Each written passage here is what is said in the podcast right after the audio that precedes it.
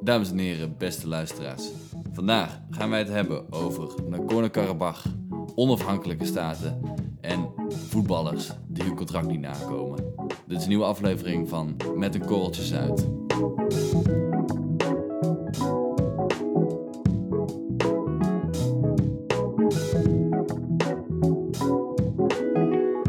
Ik hoorde op NPO 1, het radioprogramma, dat eh, de voetballer Henrik Mkhitaryan niet naar de Europa League finale gaat in Baku. Want hij speelt daar. Ja, hij moet daar spelen voor Arsenal tegen Chelsea. En dan vraag jij je natuurlijk meteen af, en dan gaan allemaal belletjes rinkelen van, hey, waarom, eh, waarom gaat hij daar niet naartoe? Henrik Mkhitaryan is set to miss the Europa League final against Chelsea after a decision was taken by the player and Arsenal for him to miss this on safety grounds, given the worries about the final being hosted in Baku in Azerbaijan, with him being an Armenian international. Het zit zo dat hij een keer in het gebied Nagorno-Karabakh geweest is. En dat is een ehm, onafhankelijke republiek, volgens henzelf, in het grondgebied van Azerbeidzjan. En wat wil nu het toeval? Dat als je daar geweest bent, dat je dan de kans loopt om opgepakt te worden, mocht je weer een keer naar Azerbeidzjan gaan. Ja. En nu moest ik denken aan jou toen ik dat hoorde. Want jij bent een keer in Nagorno-Karabakh geweest. ja, dus ik zit in hetzelfde schuitje als eh, Ja. onze beste vriend, de voetballer. Mhm. Ja. Het zit als, volgt. Zoals jij net al eh, correct zei, dit gebied, Nagorno-Karabakh, ligt in Azerbeidzjan. Net zoals dat Groningen in Nederland ligt. Maar Nagorno-Karabakh zit wel al sinds eind jaren 80 in een, in een conflict, een gewapend conflict met Azerbeidzjan omdat zij zichzelf als onafhankelijk willen zien. Net als bijvoorbeeld de, de Catalanen. Dat is, eh, dat is een langslepend gewapend conflict. En eh, nu is het dus zo, als je in dat gebied bent geweest, dan wordt het daarna heel moeilijk om het andere deel van Azerbeidzjan binnen te komen. Hè? Baku, wat iedereen wel eh, enigszins kent. Mhm. Want dit gebied kun je ook niet betreden vanuit Azerbeidzjan. Want dan moet je dus eigenlijk ja, over een soort frontlinie stappen Mhm. om dan dat gebied in te komen. Ja. Dus om het niet al te ingewikkeld te maken voor de luisteraar die niet een kaart eh, paraat heeft, moet je het als volgt voorstellen. Je kan dit gebied alleen betreden vanuit buurland Armenië. Dus laten we het even als volgt. Stel dat Groningen uh, uh, Nagorno-Karabakh is, dat, dat dus onafhankelijk wil zijn, dan zou je als Nederlander alleen via Duitsland dat gebied in kunnen komen. Mhm. En niet gewoon vanuit eh, Friesland. Ja. Dat je daar dat treintje pakt. Dat is daar dus aan de hand. En inderdaad, ik ben daar ook geweest. Waarom ben je daar geweest überhaupt?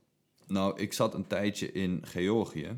Nog een eh, buurland daar. En toen leek het mij wel interessant om dat gebied te bezoeken. Gewoon puur uit interesse. Ja. Want het is inderdaad een zelfverklaarde onafhankelijke republiek. zij, zi- zij zien zichzelf als onafhankelijk land. Worden hierin niet echt gesteund op internationaal vlak. Maar daar komen we denk ik eh, straks nog wel even op terug. En ik ging op reis sowieso naar Armenië. En vanuit Armenië kun je dus daarheen. Nou, dan dacht ik, dit is wel een uitgelezen kans om in dat gebied te komen. Mhm.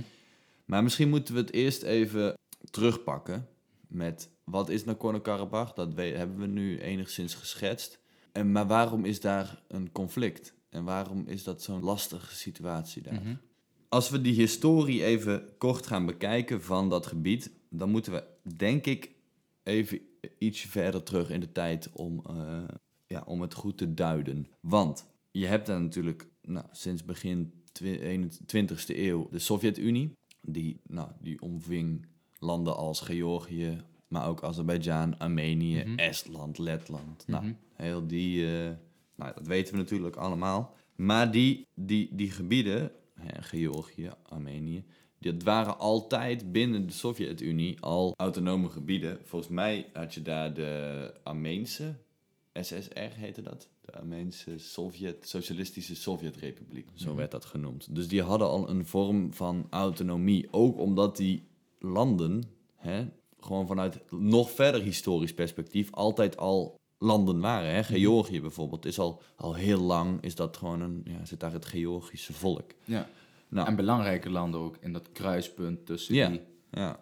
civilisaties en rijken. Wat is er toen gebeurd? Toen kwam de Sovjet-Unie onder leiding van een zekere meneer Stalin. En Stalin, die voorzag eigenlijk al wel dat die landen, dat, dat daar in de Caucasus, dat Armenië, dat Azerbeidzjan, dat het allemaal... Dat is niet goed. Dat liep allemaal al niet zo heel lekker. Die landen hadden niet zo heel veel zin in zo'n Sovjet-Unie. Dat, had hij, dat, viel- dat voelde hij haarfijn aan. Als Georg. Ja, ja oorspronkelijk een Georg, eh, Stalin, geboren in het stadje Gori. Maar hij, had, hij voelde dus wel aan van, nou, die landen die hebben niet zoveel zin in. Allemaal inmenging vanuit Moskou, dit, dat. Dus wat heeft hij bedacht? Hij dacht, nou, wat nou als ik zorg dat die landen onderling met elkaar gaan lopen in conflict komen? Dan hebben ze in ieder geval veel aandacht voor elkaar. En niet zoveel aandacht voor hoe, hoe Moskou de zaakjes hier allemaal regelt. Hoe heeft hij dat dan geregeld? Hij wist natuurlijk waar die volkeren zaten, de Armenen, de Azeris. Toen heeft hij dus die grenzen getrokken. En toen dacht hij, nou, wat nu als ik die grens zo trek dat ik binnen Azerbeidzjan een gebiedje stop waarvan ik weet, daar wonen bijna 100% etnisch Armenen, een ander volk. Ja. Dan gaat hij het hommeles worden. En daar had hij gelijk in. Want wat krijg je dus? Dat er in Azerbeidzjan zit een hele groep, groep mensen die er helemaal geen zin in hebben om bij Azerbeidzjan te horen, want die voelen zich Armeen. Armeens. Mhm. Nou, ten tijde van de Sovjet-Unie liep natuurlijk allemaal wel enigszins, want ja, dat hoorde toch allemaal bij de Sovjet-Unie. Ja. Maar die Sovjet-Unie begon uit elkaar te vallen. En eind jaren 80, toen viel die Sovjet-Unie toch al, eh, begon dat af te brokkelen. En toen kwam natuurlijk ineens het vooruitzicht van ja, wij worden straks gewoon weer onafhankelijke landen. Mhm. Azerbeidzjan, Armenië, maar ook eh, Estland, Letland. En Toen begonnen Dus- die conflicten. Ja, die mensen in, in, die, die daar dus in, in Azerbeidzjan woonden, die dachten, ja maar hou eens even. Straks worden we onafhankelijk en dan zitten wij in één keer opgescheept met... Dan zitten wij in één keer in Azerbeidzjan. En dan moeten wij luisteren naar het regime in Baku. Mhm. Wij spreken Armeens. Wij zijn christelijk, orthodox christelijk. Ten opzichte van de Azeris, dat zijn moslims. En wij identificeren ons gewoon Wij- ja. met Armenië Ja, en niet met precies. met wij, wij, wij, wij trouwen de Armeense dames. Wij, Mhm. wij, wij, onze ooms en tantes wonen in, in Armenië. Mhm. Die voelen zich veel meer Armeens dan Aze- Azerbeidzjaans. Nou, dus daar begon eigenlijk natuurlijk toen al een conflict op te borrelen. En toen viel dus uiteindelijk die Sovjet-Unie. Nou, en toen, was, toen waren de rapen gaar. Mhm. Toen kwam daar gewoon een conflict en dat ontwikkelde zich in een oorlog.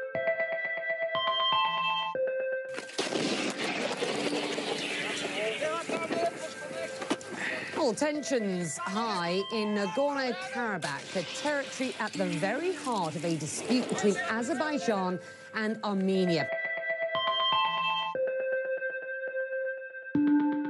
Dat conflict begon in 1988 en in 1992 ontwikkelde zich dat wel in, in een, een echte oorlog, Ja. een ground war. Mhm.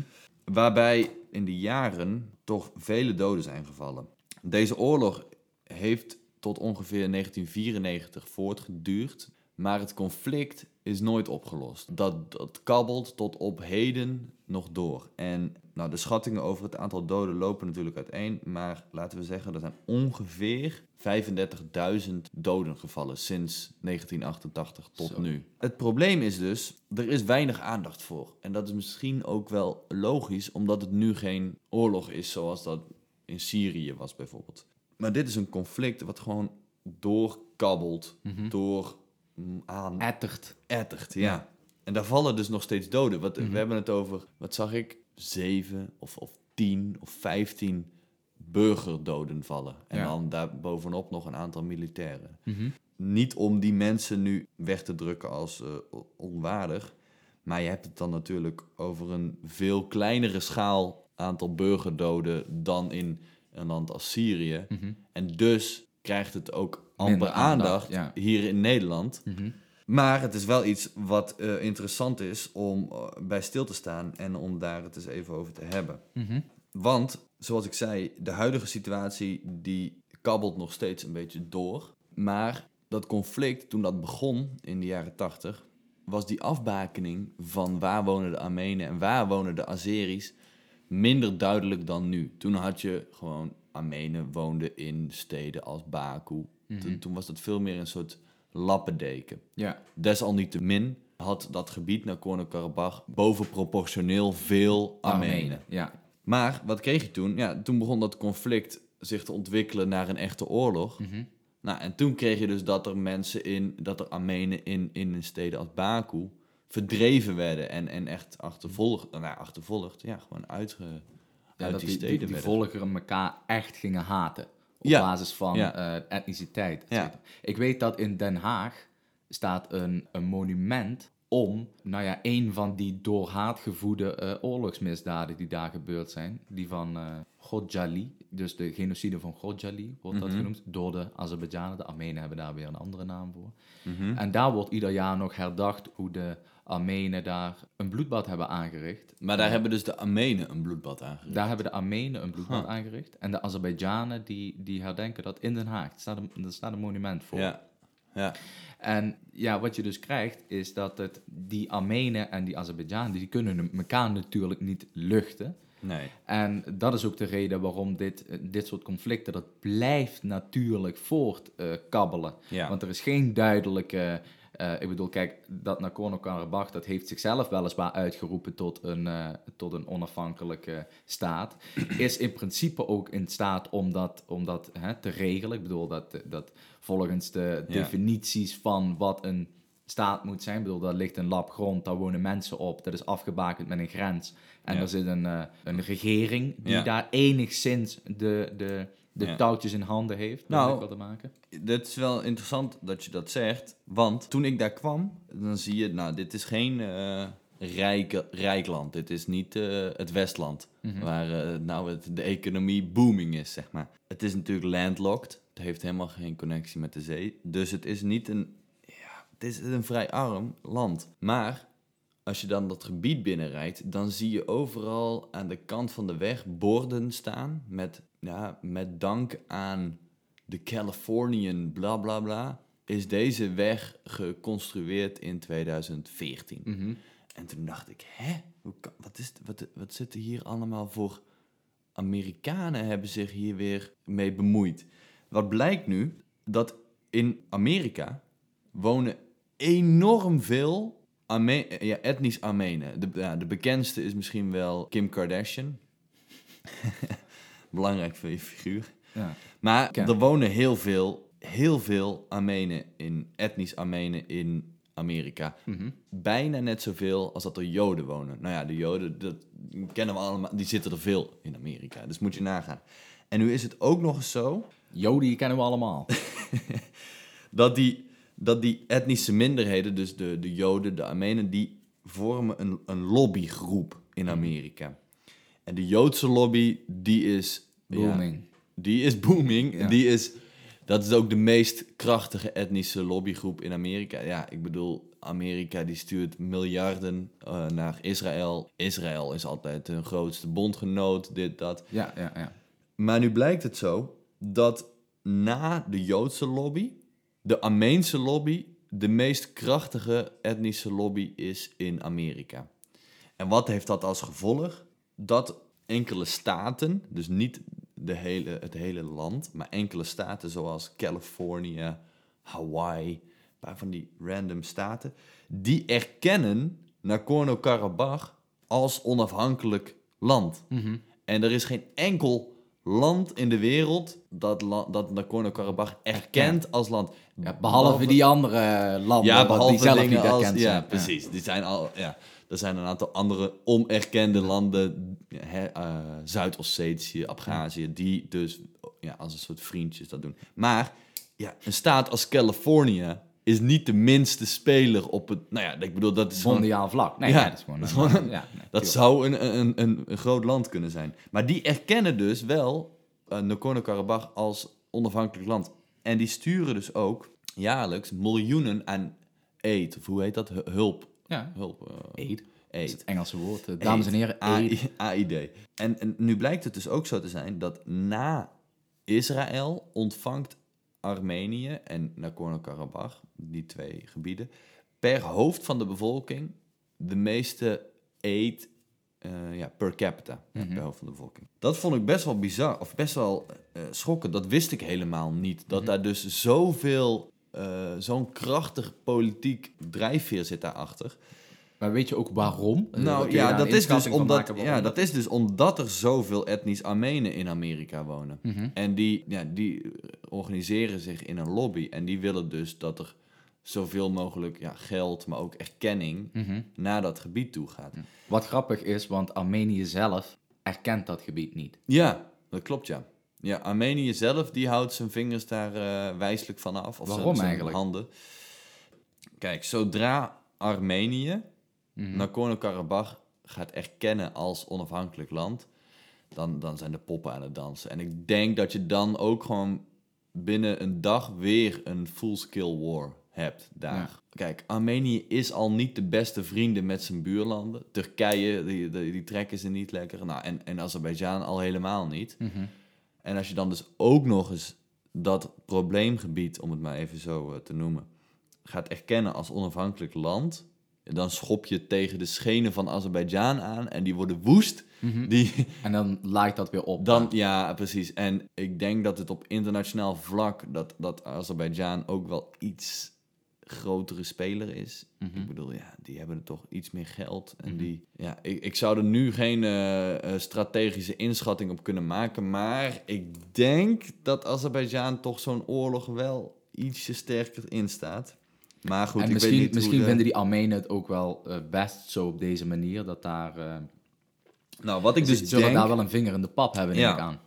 Ja, die hebben daar zeker een vinger in de pap. Want toen ik dus daarheen ging, eh, ga, dan ging ik dus gewoon met een, met een soort taxi is dat. Gewoon een, een oude kerel in een oude Sovjet-auto rijden daarheen. En wij werden toen opgepikt op het treinstation in, in Yerevan, de hoofdstad van Armenië.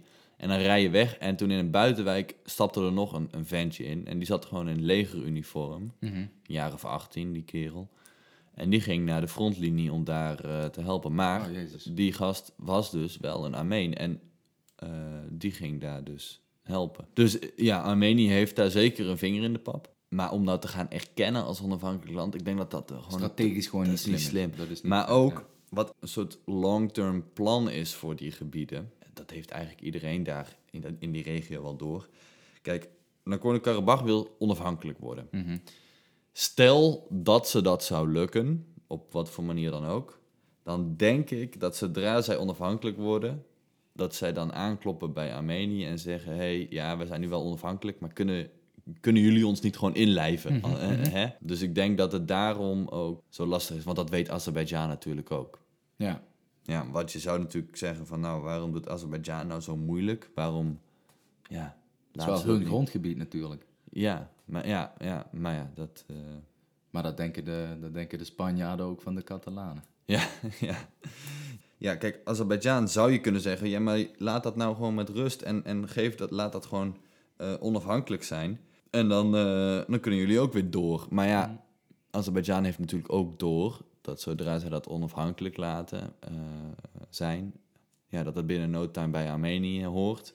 En dan heb je dus gewoon, ja, eigenlijk een stuk land aan Armenië gegeven. Mhm. En dat gaan ze niet doen. Met dank aan Stalin, die dus ooit die grenzen zo getrokken heeft. Bedankt, Stalin. Stalin, eh spasiba. Спасибо. Nu hebben we het dus over onafhankelijke staten of gebieden die onafhankelijk willen zijn. Mhm. Nagorno-Karabakh Ja. in dit geval. En ik vind dat toch altijd wel interessant. Want zo'n la- zo'n zo'n gebiedje, dat wil onafhankelijk zijn. Nou ja, eh, het land waar het eigenlijk bij hoort zegt nee, eh optieven, je hoort bij ons. Mhm. Maar dat blijft altijd wel een interessant iets, want ik denk ook vaak, maar dat is misschien ook wel gewoon mijn hurt, nuchtere Hollandse blik van, ja, waarom doen we nou allemaal zo moeilijk? Ja, als die onafhankelijk willen zijn, laat ze lekker onafhankelijk zijn. Maar ik, ja, ik behoed me er altijd even voor, want ik denk dat ik er dan natuurlijk iets te makkelijker overheen ga. Want het is natuurlijk een heel ingewikkeld conflict daar met al, Ja. al, al 30 jaar Ja, doden. kijk, je hebt, kijk, je hebt als staat, je hebt als volk, heb je natuurlijk een zelfbeschikkingsrecht. Je mag dus als volk je eigen eh, politieke ehm, systeem kiezen en je Mhm. mag eh, bepalen op welke manier dat je geregeerd wordt. Maar Ja. een staat heeft natuurlijk ook zijn territoriale ja. integriteit. Ja. En eh, wat het punt is, is op het moment dat jij als volk onafhankelijk wilt worden, en dat lukt niet via een referendum of met een goede afspraak met het land waar je je in begeeft. Ja. En dan, nou goed, een logisch gevolg daarvan zou kunnen zijn dat je zegt: jongens, hè, we kopen een tank, we kopen een AK-47 en we, eh, we, regelen het zelf, we gaan Ja. aan de slag. Ja. we gaan aan de slag. Nee, maar het, het, het- dan vervalt je hele, dan va- va- valt alles in de soep, zeg maar, eh, op het gebied van internationaal recht. Want dan heb je dus niet meer het recht om jezelf onafhankelijk te verklaren. Ja, dat is Ik zo. vind, dat, ja, ik vind dat dus niet per se. Kijk, los even van alle emotionele en fysieke schade. Want het is natuurlijk verschrikkelijk. Een oorlog is altijd verschrikkelijk. Mhm. Maar aan de andere kant is dat wel een middel. Als jij dus onafhankelijk wil zijn, is dat een middel. Want anders is het natuurlijk voor, eh, ja, om het maar even zo te zeggen, het moederland. En in dit geval is dat Azerbeidzjan wel heel makkelijk om, om nooit dat land af te staan. Want die gaan dan blijven dan gewoon eeuwig zeggen van nee, jullie horen bij ons, jullie horen bij ons. Mhm. Maar je, dan ja. kun je, je kan toch met dezelfde Hollandse, eh, zeg maar, gemakkelijke bril kun je toch zeggen, ja jongens, weet je, doe gewoon normaal, hoor gewoon bij Azerbeidzjan, sta je niet zo aan. Toch? Dat kun, je je kan daar toch twee kanten op redeneren. Nou ja, nee. Of vind jij, kijk, ik, ik heb het idee dat je een voorstander bent van de, ja, dat noemen ze dan de declaratory theory. oké? Mhm. Dus jij zegt, eh, luister, wij voldoen aan alle eisen die een staat moet hebben. Mhm. That's it. Wij zijn nu in staat.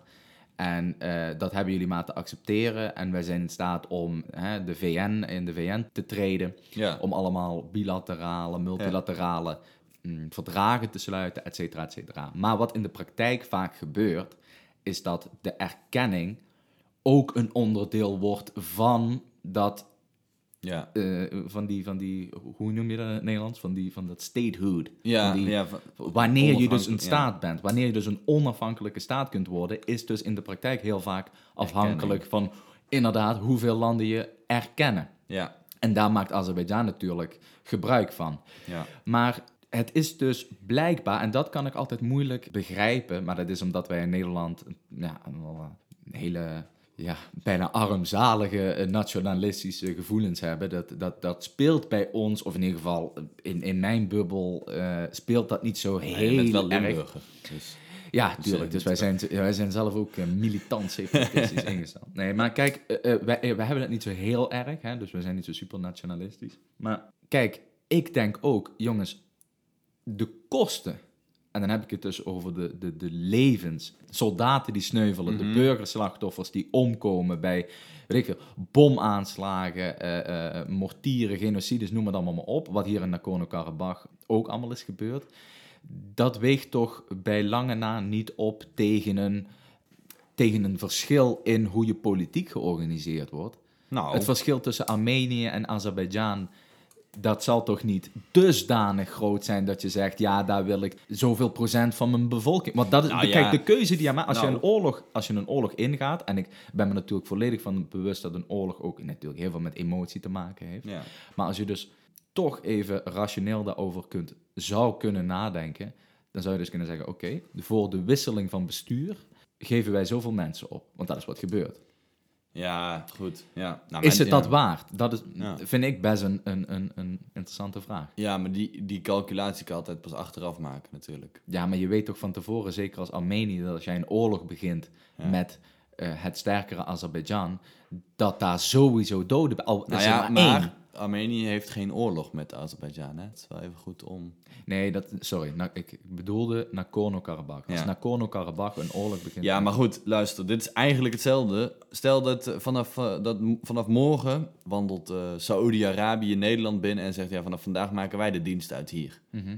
Nou denk ik dat er best wel veel Nederlanders zijn die zeggen... ja, eh, dacht het niet, vriend.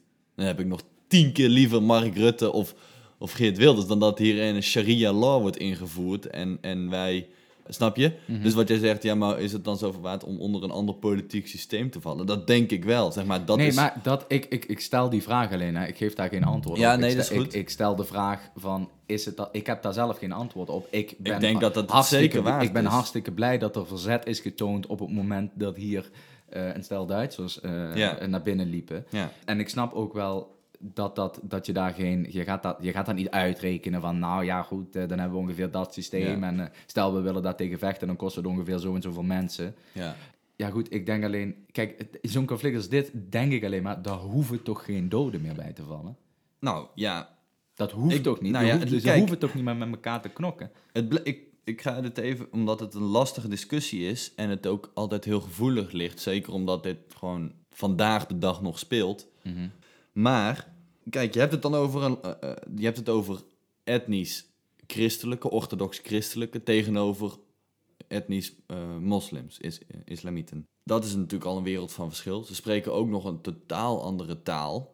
Dus je hebt het gewoon over twee... Kijk, Nederland, België, ja, die landen die kunnen het altijd wel prima met elkaar vinden. Wij maken een grap over een Belg en een Belg over een Hollander.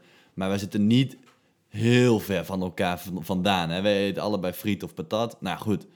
Maar ik denk dat een Armeen en een Azerbeidzjan mijlenver van elkaar vandaan liggen op, op cultureel vlak. Is dat echt? Ik waag dat dus te betwijfelen. Ik denk dus dat de echte cultuur, en hebben, dus dan reken ik even niet, en ik snap natuurlijk dat dat helemaal verweven is met elkaar, hè, die twee religies, het orthodox christendom en de islam eh, in Azerbeidzjan, dat die, hè, ik snap dat dat heel veel invloed heeft gehad op die cultuur, maar zij zullen toch ook een hele grote gedeelde cultuur zijn. Ik bedoel, die twee, die twee volkeren, de Azeris en de Armenen, die wonen daar toch al langer dan Ja. dat de islam bestaat en dat het orthodox christendom bestaat. Die zullen een vrij complex, eh, een vrij complexe set aan culturele waarden gebruiken, et cetera, met elkaar delen. Nou, mochten er Armenen of Azeris zijn die luisteren naar deze podcast, dan zou ik graag horen hoe zij daarover denken. Want dit Maar heb jij daar geen mensen gesproken in? eh, in eh, wat, want wat, kun je een beetje schetsen wat die mensen van elkaar vinden? Want jij bent ook een. Ja, die trekken elkaar niet. Die trekken nee, elkaar niet. Nee, nee, absoluut niet. Die vinden dat, ja, die, die, die vinden elkaar ehm, ja, niet de gezelligste buren, zeg maar. Maar kunnen ze niet. dat ook uitleggen waarom ze dat vinden? Of is het Nou, gewoon, dat- nee, hij is een Assyrië. Ja, en ik dat vind ik, ja, maar dat is dus het lastige. Omdat het natuurlijk nu nog een, een ongoing conflict, conflict is. Toen ik in Nagorno-Karabakh was, toen sliep ik in een soort guesthouse. En die gast die wist heel veel te vertellen daarover. Mhm. Maar je hoort zo'n eenzijdig verhaal. Dus je hoort, dan, dan vertelde die weer over een Azerbeidzjaanse commandant die eh, burgers dood had gestoken. Ar- Armeense burgers, weet je. En dat hebben ze dan weer vergolden. Hè? Ja, dat, dat zal wel goed. Dat weet zal je, wel goed. nou, Ze hebben dus- ze teruggepakt. ja, ze hebben ze teruggepakt. Maar je hoort een enorm eenzijdig verhaal waarin alle Azeris zijn slecht Mhm. en alle etnisch Armenen zijn goed. En aan Maar de dat- andere kant dat- hoor je hetzelfde. Maar dat ik denk dan meteen, ja, dat is kolder.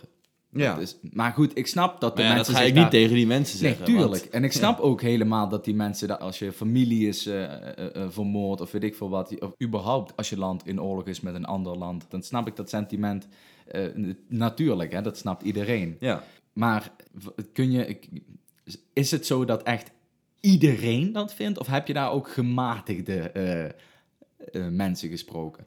Nu pak ik jou even als voorbeeld. Ja, je hebt, daar, ja, je hebt er ook de- wel gematigde tussen zitten. Want ik heb wat jonge Azeris eh, gesproken. En die waren er inderdaad veel eh Dat ze zeiden, luchtiger ja, in. interesseert mij toch allemaal niks. Nou, het interesseerde ze wel heel veel, want het is natuurlijk gewoon iets wat in hun land speelt. Mhm. Maar die er toch wel een soort. eh, zij waren ook meer onderwezen, hadden universiteit gedaan. En dat je dan ziet van die hebben veel meer zo'n iets openere blik. En die snappen dat het niet zo'n zwart-wit plaatje is. En dat Mhm. dit gewoon een complex probleem is. Dat ook niet 1, 2, 3 opgelost wordt. Maar die hadden wel door van. Maar die zijn niet bij voorbaat. Nee, die zeiden niet van nou, alle Armenen dat zijn klootzakken en wij Mhm. zijn fantastisch. Nee, die hadden wel door dat het...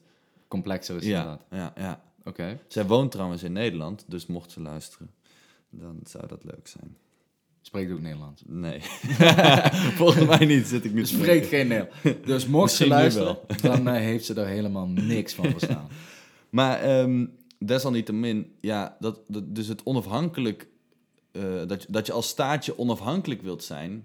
Ik heb daar dan toch vaak inderdaad een iets rauwere of iets, ja, iets rauwere blik op. En dat ik denk van ja, nou, als jij sterk genoeg bent om te laten zien dat jij onafhankelijk kan zijn, nou goed, be my guest, dan ben je onafhankelijk. Als morgen Limburg, als Limburgers, in één keer uit het niets een leger op, op touw eh, weten te zetten. Mhm. En die gaan bij de grens met Brabant en Gelderland, zetten zij prikkeldraad en, eh, en weet ik het wat.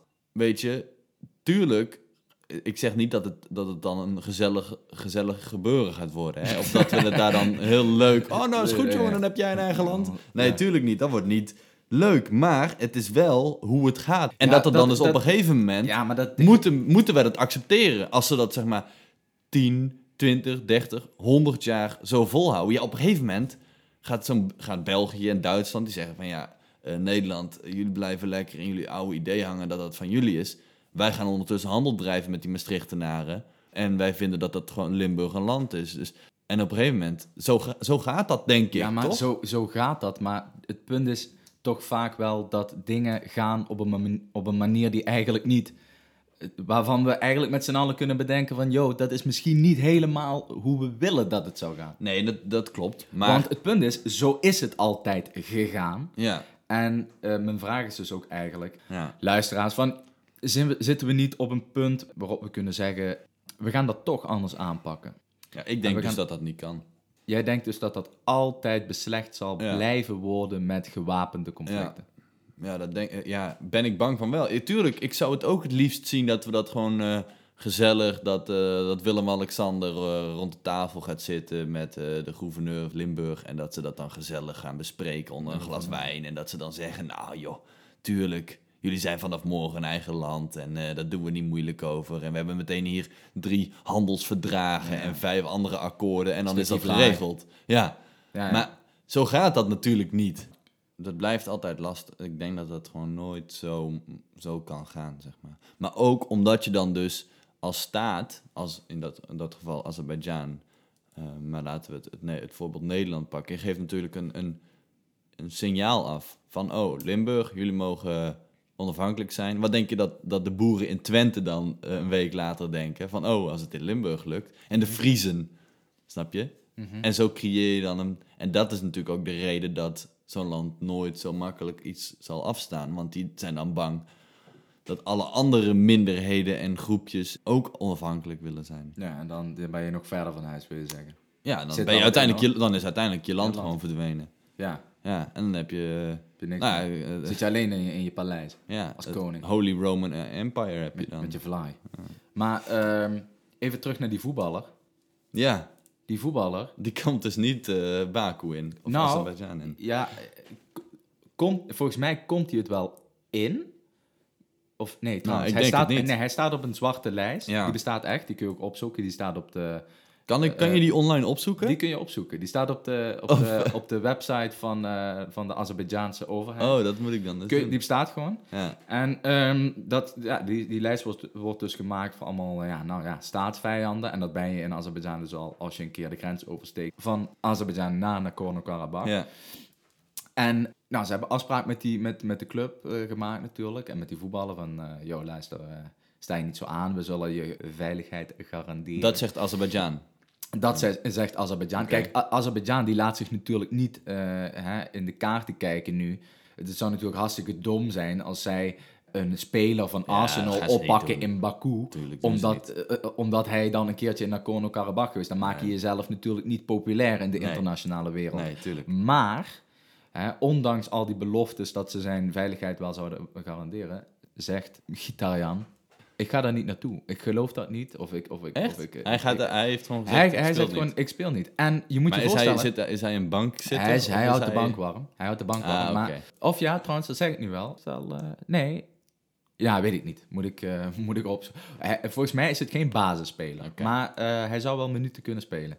Nou, nou. Desalniettemin, hij mist daardoor dus de finale. Even voor het Ja, besef, hè. Hij ja. mist daardoor dus de finale van de Europa League. Ja. Dit is niet dat hij eh, een toernooitje gaat punniken in, in, in, in Zuid-Laren, snap je? Hij gaat daar gewoon de finale van de Europa Maar League als hij, dat toernooi- als hij een toernooitje was gaan punniken in Was Baku, dan dan was hij wel opgepakt, toch? Dan was Ja, hij- ja, ja, dan- kijk, en dat is dus ook het, eh, dat vind ik dus ook het pijnlijke bij dit soort zaken. Ja. Inderdaad, als je gewoon een toernooitje zou gaan punniken in, ba in Baku. Ja. Ja, dan was het... Eh, in Baku. Eh, hoe komen we hier ook weer bij? Maar goed, dan zou die inderdaad wel opgepakt worden. Ja. Maar nu eh, heeft hij dan de bescherming, omdat daar ah, alle, de, alle schijnwerpers zijn daar natuurlijk Ja, ja. En als ze die man ook maar een haar krenken, dan heeft Azerbeidzjan het, het zitten, denk ik. Ja. Maar ja, ja. Maar ik sta dus waarschijnlijk ook op die zwarte lijst. Jij staat gewoon met alle aan zekerheid grenzende waarschijnlijkheid Ja. gewoon op die lijst, ja. Ja. Dus jij mag nooit meer naar Baku. Nee, nou ja, op zich, dames en heren, je mist niet veel hoor. Als je nooit naar Baku bent geweest in je leven, nou, kun je prima sterven. Het is echt niet zo'n bijzondere stad. Nou, tot zover Auke's genuanceerde analy- analyse van de hoofdstad van Azerbeidzjan. Mhm. En tot zover denk ik ook onze podcast van vandaag, toch Auke? Denk het wel. Bedankt voor het luisteren. Volgende keer snijden we weer een ander onderwerp aan, waar we jullie stijl mee achterover gaan laten slaan. En dan eh, hopen we dat jullie volgende keer weer luisteren. Bedankt voor het luisteren. Tot ziens. Adieu. Gegroet.